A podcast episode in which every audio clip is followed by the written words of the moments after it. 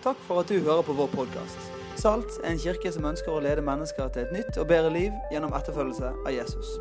Dette skjer ikke bare i Bergen, men også i India gjennom vårt misjonsarbeid Glocal. De siste seks årene har vi trent 135 mennesker til menighetsplanting, og resultatene har vært overveldende. 6000 mennesker har kommet til tro, og vi ser at dette bare er begynnelsen på noe stort. Har du eller din menighet lyst å stå sammen med oss i dette? Ta kontakt på e-post glocal.saltbergen.no for å få vite mer. Takk igjen for at du hører på. Her er ukens budskap. Takk skal dere ha. Kule gutter som sørger for eh, fin bakgrunnsklimpring. Så bra å se dere alle sammen. Har hatt en fin helg. Ja, Dere ser eh, uthvilt ut. Noen ser ikke helt ut som de har våkna ennå, men de fleste ser ut som de har hatt en OK helg. Vi bor såpass langt ute på landet nå. Eller det tror folk at det høres sånn ut. Det heter Krokeide, der vi bor. Det høres ut som det ved verdens ende. Men det er faktisk bare en halvtime fra sentrum. Men eh, der går strømmen da av og til. Eh, og det er nytt for oss, for vi har liksom bodd i sentrum eh, i liksom aldri så lang tid. Eh, så vi fikk jo helt sånn Skjer dette ennå, liksom? Jeg husker det jo fra jeg var sånn 15-16 år og bodde hjemme hos foreldrene mine. på bygda Der ja, der gikk strømmen av og til. Men Jeg trodde faktisk ikke at det skjedde lenger. Men det, det gjør det. Av og til så går den. Og nå gikk han midt i Nytt på Nytt. Fredag kveld. Og jeg tenker midt Altså Vi lever i verdens rikeste land i 2017. Så kan vi ikke engang få se Nytt på Nytt i fred, på en fredagskveld. Fordi strømmen går. Eh, og vi satt litt sånn bare helt stille der i stua meg og mannen min Bård. Og så satt bare og stirra litt i mørket da, på den svarte skjermen. Tenkte jeg kommer sikkert tilbake. Nå kommer han. Nei, han kommer ikke. Og så så sier Bård sånn Ja, er det sånn at vi må prate sammen, da? Fordi stillheten kom litt brått på oss. Men det er ikke så galt. Når man blir vant til å ha det stille, så kan vi se at det kan være en god ting i livet vårt. Så Prekentittelen som, som Sigurd var inne på i dag, er altså 'The Sound of Silence'. Og Av og til så vil vi bare ha det litt stille. Jeg har en, en gutt på ett år som vi oppdager ganske tidlig at han har ikke sånn volumknapp. Han har en av og på-knapp. Eller han har egentlig bare en på-knapp. Eh, eller vi har iallfall ikke funnet av-knappen. og han, eh, Det siste for han er å bare skrike helt sånn insanely høyt. Og ikke sånn der sjarmerende og gladlyd eller, eller sånn frustrert når jeg er lei meg hyl. Men det er sånn, det sånn dinosaur-primalskrik som jeg ikke har hørt maken til. Det skjærer i ørene. Det er sånn at er, Du blir sånn sint, akutt sint inni deg når du hører det. For det er så forstyrrende. Og så ler han seg skakk etterpå. Så han syns det er gøy. Men eh, jeg ble jo fascinert. Går det an for en så liten kropp å lage så mye lyd? Så jeg lasta ned en sånn desibelmåler-app. Som òg gir deg ikke bare desibelnivået, men den sier òg hva dette tilsvarer. Altså hvilken sånn real life-lyd dette tilsvarer. Så jeg målte han, da. Eh, han kom på 90 desibel fra den lille kroppen der. Og så kom det opp. Subway train. Så tenkte Dette er jo bare som en sånn evig Subway-tog som kjører forbi kortenden av stuebordet vårt. Spisebordet vårt. Jeg skal lese litt fra Arbeidstilsynet sine sider. Hvilket nivå de har satt som forsvarlig lydtrykknivå. Arbeidsgiver skal stille hørselsvern til disposisjon når gjennomsnittlig lydtrykknivå overstiger 80 desibel. Jeg leste dette foran, men han var ikke så interessert. Eller arbeidstakeren opplever støynivået sjenerende. Og det hender jo at vi opplever støynivået som sjenerende. Så Arbeidstilsynet har satt 80 desibel som en slags smertegrense. Da. Det er det hovedsakelig to grunner til. Det ene er at du ikke skal bli hørselsskada av å være på jobben din. av å utføre arbeidet ditt. Og det andre er at du faktisk skal klare å utføre arbeidet ditt. Når det er mye støy rundt meg, så kan det være vanskelig å konsentrere seg. Når det er bygging på utsida av kontoret, eller kommer sånne ujevne, bråkete lyder, så tar det oppmerksomheten vekk fra det som jeg faktisk trenger å vie oppmerksomheten mot. Det som egentlig er viktig i den situasjonen, og det gjelder ikke alltid bare den ytre støyen fra lyder her ute, men det kan vel så gjerne handle om den indre støyen, som gjør det blir vanskelig for meg å samle tankene å være til stede med det som jeg egentlig holder på med. Hvordan står det til med vårt indre støynivå? Støyen av våre egne tanker, impulser utenfra, Facebook, Snapchat, ting som vi skal ordne, livet, bekymringer. Alt som forstyrrer og som gjør det vanskelig for oss å konsentrere oss om det som vi egentlig hadde tenkt å konsentrere oss om. Det er tydelig at dagens mennesker har behov for en viss støyreduksjon i livet sitt. Se på et par fenomener rundt oss. Yoga, f.eks. Det var liksom ganske populært lenge. Og De siste årene så har det steget kraftig. Hvor mange som deltar i yoga jevnlig eller sånn av og til, men bruker det som en slags stressmestring. da. Jeg kjenner folk som de sier selv, at de kommer seg gjennom sin egen hverdag hvis ikke de prioriterer å gå på yoga. Da sier jeg 'Har du prøvd kirke, min venn?' Det er enda bedre. Mindfulness er et annet, uh, annet, konsept som var ukjent for noen år siden. Men det setter ord på noe, det oppsummerer noe. Det oppsummerer et behov for å fokusere tanker, fokusere følelser, være til stede i øyeblikket. Anerkjenne det som du føler der og da. Og så er det en lett tilgjengelig metode. Det er lett for folk å ta den i bruk. Mange har kjøpt seg en mindfulness-spin-off. En eh, fargebok, f.eks. Det kjøpte jeg meg her. Så den heter eh, Den hemmelige hagen. eller noe sånt. Jeg kjøpte den på en tyrkisk flyplass. Jeg vet egentlig ikke helt hva den heter, men jeg tror det er noe sånt. Og det er jo bare sånn, det er sånn sirlige, eh, fargeløse tegninger da, som du skal fargelegge. Sånn mini-mini-felt. Så jeg begynte og tenkte åh, dette er jo helt nydelig. Jeg tenkte jeg brukte liksom tre uker på én side, og så ser jeg det liksom 50 sider i denne boka. Så vi snakkes i 2020, liksom. Så jeg er ferdig til OL i Tokyo, så tror jeg jeg skal være fornøyd. Men poenget er jo ikke å bli ferdig. Poenget er å være til stede, samle oppmerksomheten i øyeblikket. Jeg trenger ikke lete så lenge i mitt eget liv for å finne eksempler på at jeg hadde hatt godt av litt mindfulness sjøl. Eller litt fokus i livet. Eh, for en tid tilbake så skulle jeg, da, Der som jeg bodde, da delte vi bygg med BT. avisa BT. Så skulle jeg passe på en eh, bag fra ei venninne som var på besøk i byen, og som skulle reise til flyplassen samme dag. Men så skulle jeg passe på den der, for vi hadde kontor i sentrum, og det var veldig praktisk. Eh, så jeg hadde en sånn, sånn svart Helly Hansen, eh, solid bag. Han er på ryggen, og så har jeg masse andre greier. Og så er jeg gravid, liksom, holder på å gå ut i permisjon gravid. Så det var litt mye greier å bære opp de trappene. da. Eh, så jeg tenkte jeg bare setter den bagen her, og så går jeg to runder. Så kommer jeg ned og henter den etterpå. Og Den tanken forsvant jo i det øyeblikket jeg kom inn døra på kontoret. og var happy med å ha kommet så langt. Så i neste øyeblikk så går det jeg tror er brannalarmen. Bare det er ikke brannalarmen, det er bombealarmen i Bergens sentrum som har gått. Fordi jeg har plassert en svart døffelbag i trappa på BT-bygget. og latt den ligge. Jeg kunne vist deg noen avisoverskrifter, men det skal jeg ikke gjøre. for dette trenger ikke ta så mye, så mye plass. Men fordi den tanken, vi ikke klarte å holde den tanken i mer enn to minutter, så fikk det helt sånn fullstendig ut av proporsjoner konsekvenser, den lille forglemmelsen min. Som egentlig var ganske skyldig, men som ble tatt veldig, veldig alvorlig. Støynivået i tankene våre kan gjøre at vi ikke konsentrerer oss sånn som vi skal. Vi ikke fullfører den tankeprosessen. At vi ikke blir lenge nok der som det er stille. Så vi ikke rekker å få noen nye inntrykk eller noen nye tanker eller Kanskje til og med en liten åpenbaring av hvem Gud er. Pascal, en filosof som levde på 1600-tallet, han øh, ser vi her, en krøllete mann, sa allerede da hele, hele han, menneskets ulykke har sin kilde i én en eneste ting, nemlig at de ikke klarer å holde seg i ro på sitt rom. In their chamber, skriver han. Klarer ikke å holde seg i ro. Klarer ikke bare å sitte i ro på rommet sitt og være det sa han allerede da. Han hadde vridd seg i graven hvis han hadde sett livet vårt. En amerikansk admiral som uh, brukte fire måneder i en hytte i, i, Antarktis alene. Da får du kjent litt på livet. da. Han sa at halve forvirringa som fins i verden, hadde forsvunnet hvis vi hadde skjønt hvor lite vi greier oss med. Vi hadde funnet ro med det som vi har. Det er faktisk et forskningsfelt som har vokst fram, som heter interruption science. Se på hva gjør det med oss å bli avbrutt hele tida. Hva gjør det med oss å ikke få fullført en oppgave eller stadig leite etter nye stimuli?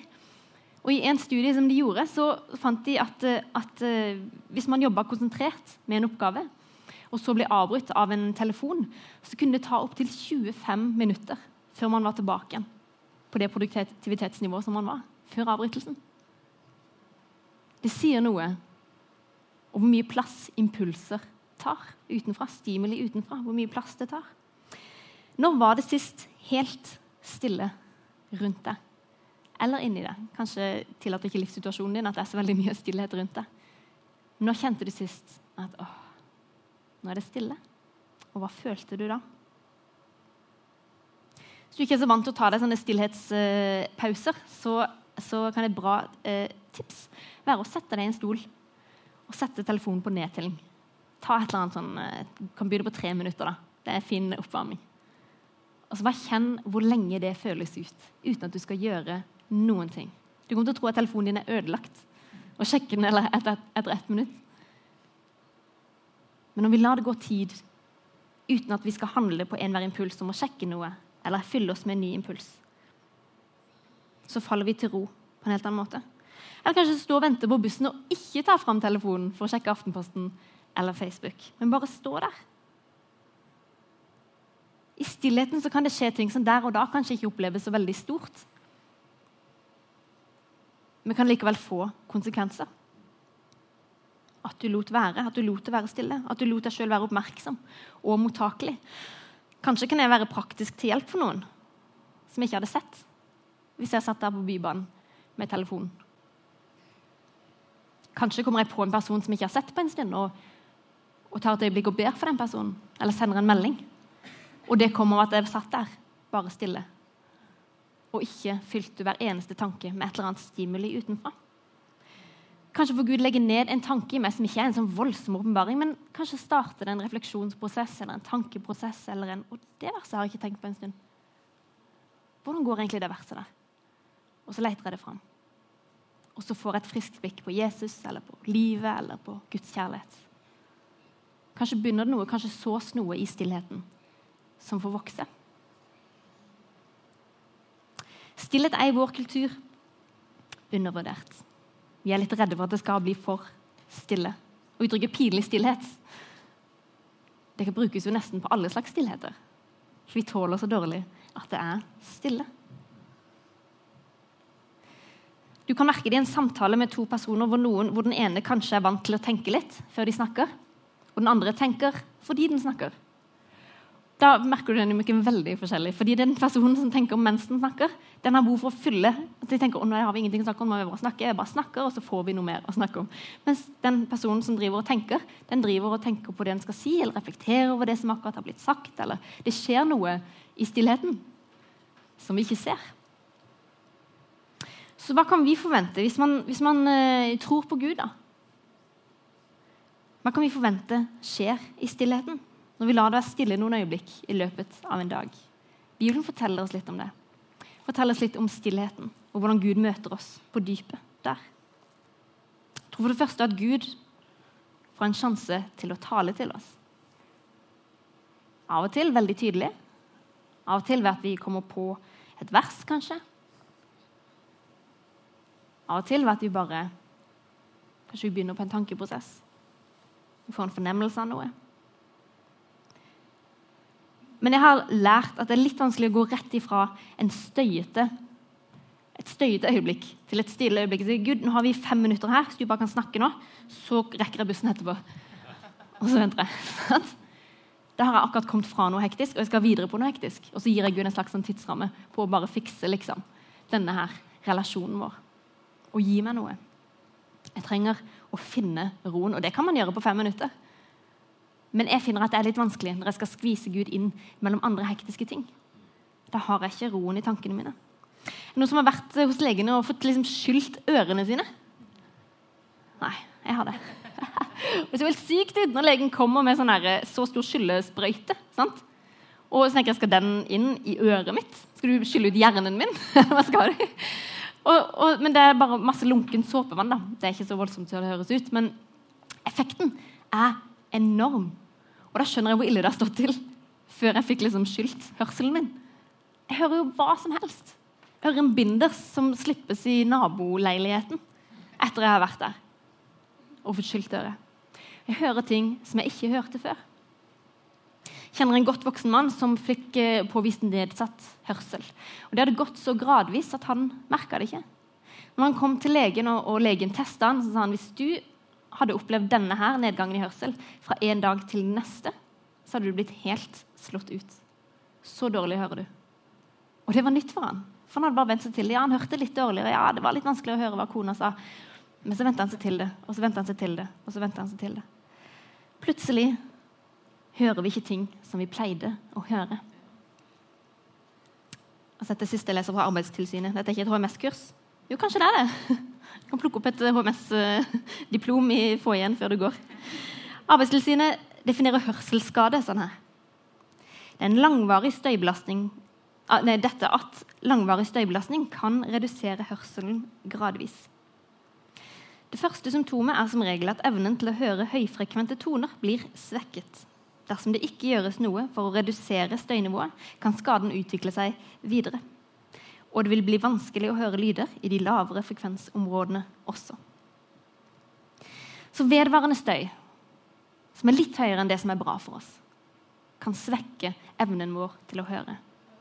Og jeg vet at når jeg ikke sørger for å få noen stille stunder, få litt input fra Gud, ikke bare lese en halv side i Bibelen fordi det skal jeg gjøre, men ta et øyeblikk og si 'Helligånd, tal til meg nå'. Tal til meg når jeg leser dette. Og la meg sjøl falle til ro i Guds nærhet. Da skjerper jeg den indre hørselen min. Da stenger jeg ute mye av den støyen som er der til vanlig, og så lar jeg meg sjøl falle til ro og lar meg høre ifra Gud. Fravær av den stillheten kan gjøre at vi blir mindre oppmerksomme mot de tingene som vi pleide å være oppmerksomme på. La oss se litt på hva vi finner i Bibelen om å søke Gud i stillheten. Bare hos Gud er jeg stille. Fra ham kommer min frelse. Bare hos Gud skal jeg være stille. Fra ham kommer mitt håp. Leser vi Salme 62. Vær stille for Herren og vent på ham. Leser vi Salme 37. Og videre i Salme 131.: Nei, jeg har fått min sjel til å bli stille og rolig, som et lite barn hos sin mor. Som det lille barnet, slik er min sjel i meg. Og i klagesangene leser vi at det er godt å være stille og vente på hjelp fra Herren. Vi ser det jo modellert av Jesus i Det nye testamentet. Veldig tydelig. Han hadde behov for å søke Gud i stillhet mellom slagene. Vi leser i Matteus at da han hadde gjort det, altså Jesus, da han hadde gjort det, som er å mette 5000 folk ved å velsigne en liten nistepakke, gikk han opp i fjellet for å være for seg selv og be. ikke det en litt sånn motmenneskelig reaksjon? Rockestjerner vet du, som har hatt en sånn voldsom opplevelse på scenen, og alle elsker de, og de er on top of the world. Når de kommer tilbake på hotellrommet, så er det mange som opplever en skikkelig down. Eller neste morgen. For de var der og nå ligger de bare her helt alene. Jesus søker det øyeblikket. Han har gjort store ting, og folk sier 'wow'. Han hadde en liten nistepakke, og 5000 mennesker minst ble mette. Og så sier Jesus, 'Nå skal jeg bare trekke meg tilbake.' Og så skal jeg søke Gud, og så skal jeg være alene. Jesus var ikke redd for å være alene. Han var ikke redd for stillheten. Han skjønte at det var der han fikk påfyll til det som skjedde videre. Så denne pausen som Jesus tar seg her, den kommer mellom underet at han har metta en haug med mennesker, og underet at han går på vannet. Innimellom der ser vi at Jesus trekker seg tilbake og er alene. Jesus var en menneskelig kropp med menneskelige begrensninger, så han måtte også søke Gud. Hans tanker ble slitne. Kroppen hans verka helt sikkert. Han ble sikkert kjempelei av mennesker som krevde alt av han. Lukas forteller noe lignende i, i sin bok i kapittel 5. Men ryktet om ham spredte seg bare enda mer, og store flokker strømmet til for å høre ham og bli helbredet for sykdommene sine. Men selv trakk han seg ofte tilbake til øde steder og ba. Og jeg har lurt litt på hva ba han om når han var alene med Gud, mellom alle disse miraklene, i det her voldsomme oppdraget som han ba på. Hva ba han om? Jeg tror ikke han ba om at Gud skulle være med han i neste mirakel. Jeg tror ikke han ba om at åh, Gud, når vi står der ute på sletta og vi ikke har noe mat Please, bare la det virke. La den maten vokse, sånn at folk kan bli mette. Eller ok, nå har disiplene reist ut på vannet. Altså, Sykt kult om jeg kunne gå på vannet og bare plutselig stå over båten deres. Gud, er det greit? Kan vi gjøre det? jeg tror ikke han søkte Gud for å kunne gjøre mirakler. Han søkte Gud for å være med Gud. Han søker Gud for å være i hans nærhet. Jeg kan se på mitt eget liv når det blir litt sånn hektisk, og, og dette med tid med Gud kan liksom forsvinne litt. og eh, Særlig sånn i, i bønnelivet så kan det fort bli en sånn Ja, Gud, eh, det var det og det og det og det. Takk for meg. Amen. Og så har jeg på en måte hatt tid med Gud. Men har jeg egentlig det? Når jeg har redusert tida med han til en to do-liste. Den best anvendte stilletida vi har, det er når vi søker Gud for den som han er. Jeg prøver alltid å begynne mine bønner med å sette ord på hva jeg er takknemlig for. Til Gud. Og Det kan være helt enkle ting, men det retter nå i hvert fall oppmerksomheten der den skal være. Kanskje kommer jeg ikke på liksom de helt voldsomme bønnesvarene, men når vi ber på kvelden, så takker vi for det som vi kommer på den dagen. Gud, dette er vi så takknemlige for i livet vårt. Trenger ikke være de store tingene, men det retter oppmerksomheten opp. Der som det skal være. Den løfter blikket vårt. Den best anvendte stilletida vår er når vi søker Gud for den som han er. Søker hans nærvær, og lese i Bibelen, lese det med et åpent hjerte, åpent sinn, og la oss farge. Så får vi kraft til å gjøre alt dette andre som livet krever av oss. Men la oss søke Gud for den han er. Det er noe annet også som skjer i stillheten, og det eh, føles kanskje ikke sånn nettopp fordi det er så stille, men Gud strider for oss. Strider for oss. Det er ikke et ord vi bruker så mye.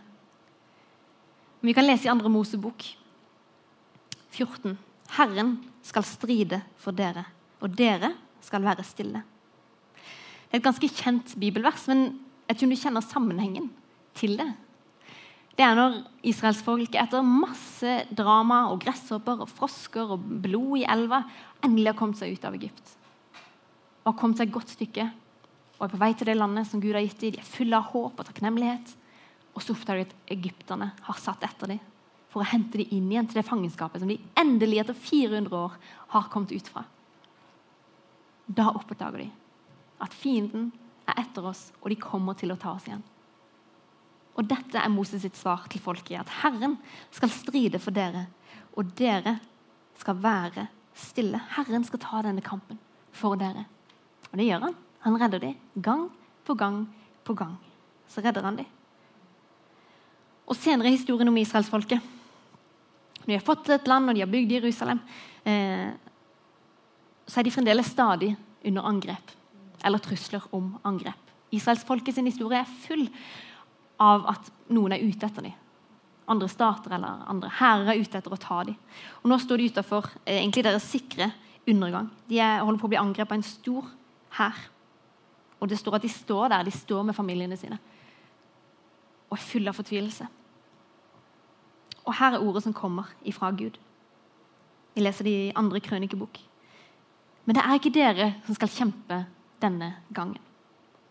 Dere skal bare stille dere opp og bli stående, så skal dere se hvordan Herren frelser dere, Juda og Jerusalem. Vær ikke redde, og mist ikke motet. Det er ikke dere som skal kjempe denne gangen. Er ikke det nydelig? Og Dette er responsen som dette budskapet får. Da kunne vi sagt åh, nydelig, da er vi fri. Ingen krig i dag. Vi kan gå og gjøre noe annet. Spille ludo, lage middag. Men dette er responsen som det får. De levitene som hørte til Kehat og Koras sønnene, reiste seg for å lovsynge Herren, Israels Gud, med høy og kraftig stemme. Det var responsen fra fredsbudskapet som kom fra Gud. De reiste seg for å lovsynge med høy og kraftig stemme. En parallell til denne historien finner vi i Det nye testamentet, i Apostelens gjerninger, hvor eh, Paulus og Silas sitter i fengsel for å ha fortalt om Jesus. Sitter de der, og de er lenka, og så begynner de og lovsynge. Det er kanskje ikke det første man kommer på å gjøre når man sitter lenka i et fengsel, men de sitter og lovsynger.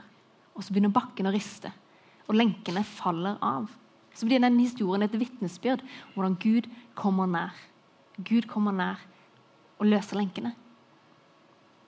Lovsyng det Herren med høy og kraftig stemme. Gud strider for oss. Og Det er kanskje noe vi i vår tid trenger å ta litt mer inn i, i vårt trosliv. måte, Eller vår forståelse av vår egen tro. Fordi Å være stille betyr ikke å sitte passiv, men det betyr å sette sin lit til Gud. Så dette prøver jeg ikke å fikse i min egen kraft, men jeg lovsynger deg. Jeg retter blikket mot deg. Jeg aktiverer troen min. Du har ikke forlatt meg, Gud. På grunn av den du er, så kan jeg stille min sjel. Det er min drøm for, for det øyeblikket i gudstjenesten når vi ber, sånn som Sigurd gjorde her. Sant? Leser opp takkeemner, og så ber vi for behov, som er til dels veldig alvorlig. For menneskene som skriver disse behovene, så er det det hverdagen handler om akkurat nå. Og Det er min drøm at vi griper de få øyeblikkene der som vi har sammen, til å aktivere troen vår og virkelig løfte disse behovene framfor Gud. At de som kommer her og kjenner at jeg har ikke så mye tro, jeg har bare fortvilelse, nei, jeg har ikke så mye tro, jeg har bare frykt, de kan komme og kjenne at de blir løfta opp av troen som var i dette rommet.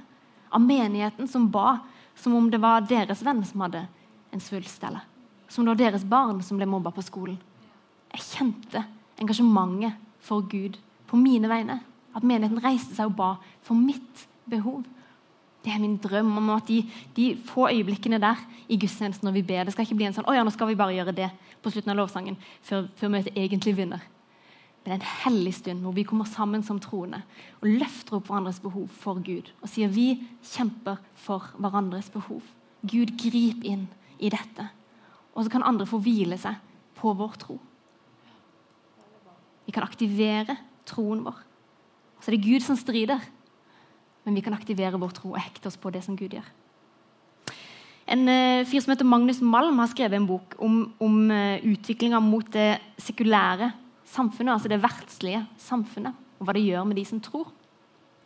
Og Han sier at, at uh, sekularitet er ikke en trussel som kommer utenfra kirka trenger ikke være så redde for at um, staten vil skille seg fra kirka, eller at det kommer uh, lover som tar vekk liksom, det ene eller det andre av, av kristne formålssetninger. Uh, det vi må være redd for, sier han, det er når kristne begynner å leve sine liv som om Gud ikke finnes. Og Det er tittelen på hele hans bok, og den slo inn i meg første gang jeg leste den. Tenk hvis jeg begynner å leve mitt liv som om Gud ikke finnes. Du kan, kan gå i kirka, du kan ha kristne venner. Du kan til og med ha en tjeneste her foran. Og likevel leve ditt liv som om Gud ikke finnes. Og For meg er det blitt en sånn indikator, en slags temperaturmåler i livet mitt. Når jeg er pressa i forskjellige situasjoner. Det kan være ting som henter fram det som ikke er så veldig sjarmerende i min personlighet. Eller jeg treffer mennesker som er vanskelige og krevende. Så prøver jeg å tenke Reagerer jeg nå som om Gud ikke finnes i mitt liv? Eller inviterer jeg han inn i denne situasjonen, i disse opprevne følelsene? Eller disse tankene? Responderer jeg som om Gud ikke finnes? Eller responderer jeg som noen som har fått nåde, og som lever ut ifra det? Det er blitt en temperaturmåler i mitt liv. Vi er alle HMS-ansvarlige i vårt eget liv. Jeg er i mitt liv, og du er i ditt liv. Vi sier ifra på jobben. Altså på min, Der som vi har kontor nå, på min jobb så er det liksom byggeprosjekter og styr på selve bygget. Så er det liksom mailer som flyr hit og dit og, eh, om alt. Ja, nå skal det snart bli bra. Og nei, ok, nå må dere leve med støy litt lenger. Og, og, og alt dreier seg om dette støynivået. Vi sier ifra når det er støy på jobben. Vi sier kanskje ifra når det er støy hjemme. vi sier ifra hvis naboen står med liksom, lufttrykkbord halv tolv på mandagskvelden. Så sier vi ifra. Fordi vi tar ansvar for støynivået i livet vårt. Men tar vi det samme ansvaret for det indre støynivået vårt? Når den indre støyen blir for høy, så kan vi ta grep. Og de grepene ser annerledes ut for meg enn de gjør for deg. Men hvis vi ikke tenker den tanken, så risikerer vi at vi kan bli hørselsskada til slutt. Fordi den støyen som er litt høyere enn det som er bra for oss, den får vedvare. Så hører vi litt mindre, så hører vi litt mindre. Og så hører vi ikke de tingene som vi pleide å høre lenger. Hvor kan du få den pausen med noen friminutter med stillhet? Altså Før så kunne jeg bare gå inn på rommet mitt, sette på lovsang, åpne Bibelen, og så det, var det liksom fantastisk. Men nå må jeg finne litt andre pusterom for å gjøre det. Kanskje kan det handle om å faste fra sosiale medier annenhver dag. Kanskje kan det handle om å ta seg en løpetur med en podkast på øret. Kanskje kan det handle om å skrive en liten refleksjon hver gang som man leser Bibelen. Du vet hvordan det kan se ut for deg, hvordan du praktisk kan sørge for at det blir litt mindre sånn ytre stimuli hele tida og litt mer av å koble seg på Guds tanker. Men jeg utfordrer deg til å tenke gjennom det denne uka. Hvordan ser det ut i ditt liv? Der lovsangsteamet kan, eh, kan komme opp.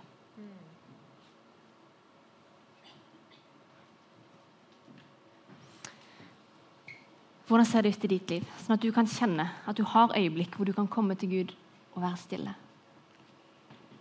Kjenne at du faller til ro på innsida og kan ta imot av det som han har å gi. Vi kan reise oss opp, og så, så ber vi en bønn sammen. Herre, takk for at du er fredens Gud. Her, du har sagt at du vil gi alle som tror på deg, av din fred. Ikke den som verden gir, ikke den som yoga gir, eller mindfulness gir. Men den som kommer av å kjenne deg. Din fred som gjør at hjertet vårt ikke blir grepet av motløshet og frykt. Jesus ber for hver eneste person som er her inne, som er i denne kirka. Jeg ber for denne uka. Jeg skal kjenne at din kraft er lett tilgjengelig i våre liv. Her er det lett å komme fram for deg og la oss, la oss falle til ro framfor ditt ansikt, Jesus. Vis oss pusterommene med stillhet som vi kan ta oss i vår hverdag. Enkle grep som gjør at vi kan falle til ro og høre at du taler. Høre oss sjøl tenke. Fullføre tankeprosesser og se mennesker rundt oss. Jesus. Jeg ber for de som konkret kjenner at nå er det mye støy fra bekymringer, og, og særlig relatert til framtida, Herre. Jeg ber om at du skal komme med din fred i de situasjonene, i de tankene og i de hjertene. Herre. Eller de kjenner at du er en Gud som strider for de. Herre, at de kan få aktivere troen sin, men at de kan få lene seg på deg, Jesus. Herre, at du fører deres kamp, Herre. At du samvirker alt til det beste, Jesus, i livene våre.